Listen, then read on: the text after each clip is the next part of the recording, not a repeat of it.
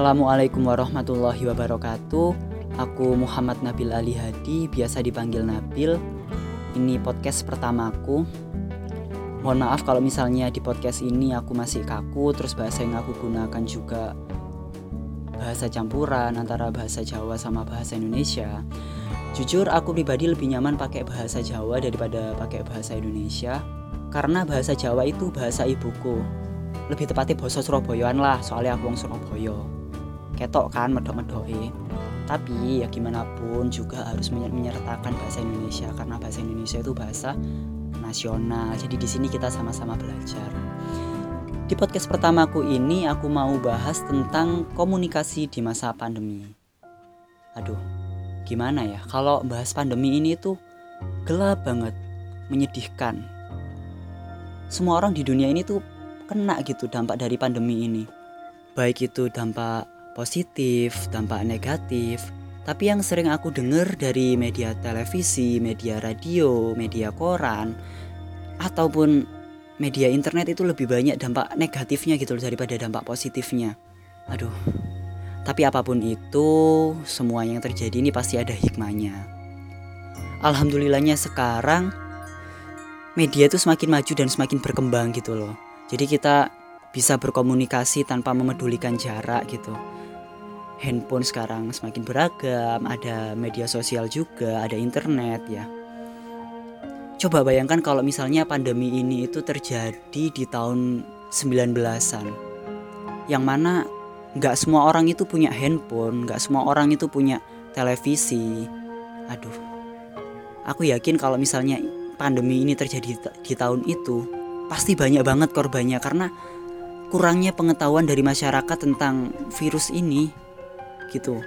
Pemerintah sendiri juga bakal bingung gitu gimana caranya mensosialisasikan virus ini ke masyarakat biar merata.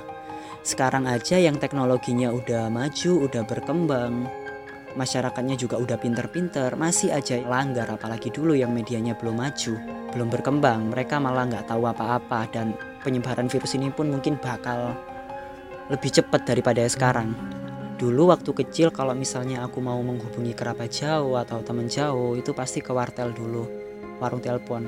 Tapi nggak tahu mungkin sekarang wartel udah jarang ya. Atau mungkin udah nggak ada. Beda sama sekarang. Kalau sekarang kita ada handphone jadi kalau misalnya mau menghubungi kerabat jauh kita tinggal chat, tinggal telepon, video call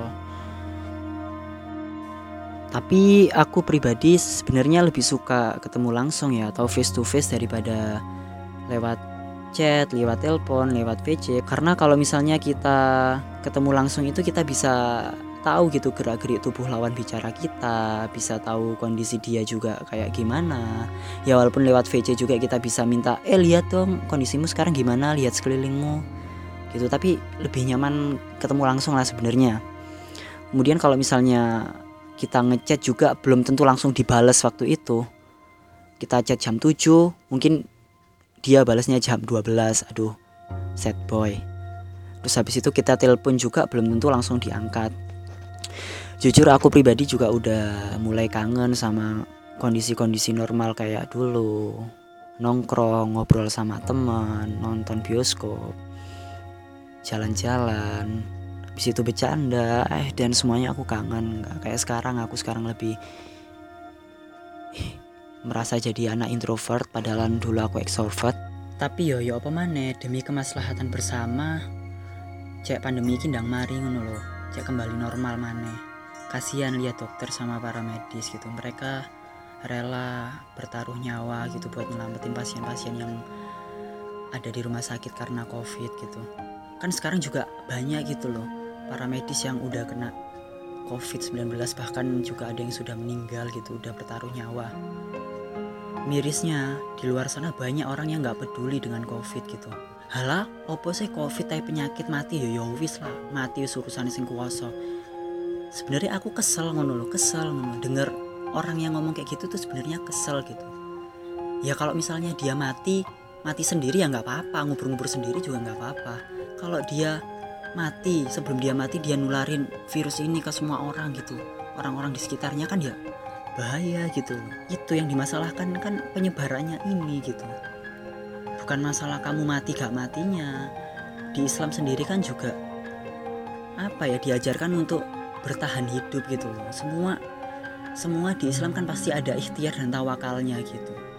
Nggak nggak cukup cuma ikhtiar doang nggak cukup cuma tawakal doang gitu. Aku nggak ngerti ya jalan pikir wong wong sing ngelanggar ngelanggar aku gak ngerti aku wingi malah rame gara-gara tuku klambi rioyo. Lah saya kilo dokter ambil para medis ya sebenarnya yo pingin tuku klambi rioyo. Kemarin aku denger cerita ya kalau misalnya denger berita lebih tepatnya. Dengar berita kalau misalnya dokter udah pakai APD atau pakai hazmat itu nggak boleh dikit-dikit dilepas nggak boleh dikit-dikit dilepas. Kalau nggak salah sekitar 8 jam baru boleh dilepas. Bayangin aja kalau misalnya dokter itu baru pakai hazmat itu jam 7 pagi terus jam 8 itu dia blood pipis. Gimana coba kalau aku pribadi ya kalau misalnya nahan pipis apa pun yang aku lakukan itu konsentrasinya hilang gitu. Aku belajar tiba-tiba nahan pipis hilang konsentrasiku. Apalagi dokter ini yang pakai hazmat pakai APD berjam-jam gitu. Aku yakin itu mereka capek banget apalagi kemarin Ramadan ya. Aduh nggak kebayang. Semoga kebaikan mereka dibalas lah oleh Allah. Jasa mereka udah aduh bener-bener pahlawan lah mereka pokoknya Oke, aku kira cukup untuk podcast kali ini. Mungkin ke depannya akan ada lanjutannya, akan ada podcast berikutnya. Mari kita sama-sama berdoa agar pandemi ini segera berakhir. Dan untuk yang mendengar podcastku ini, mari kita manfaatkan media komunikasi dengan sebaik-baiknya di masa pandemi ini. Sekian, wassalamualaikum warahmatullahi wabarakatuh.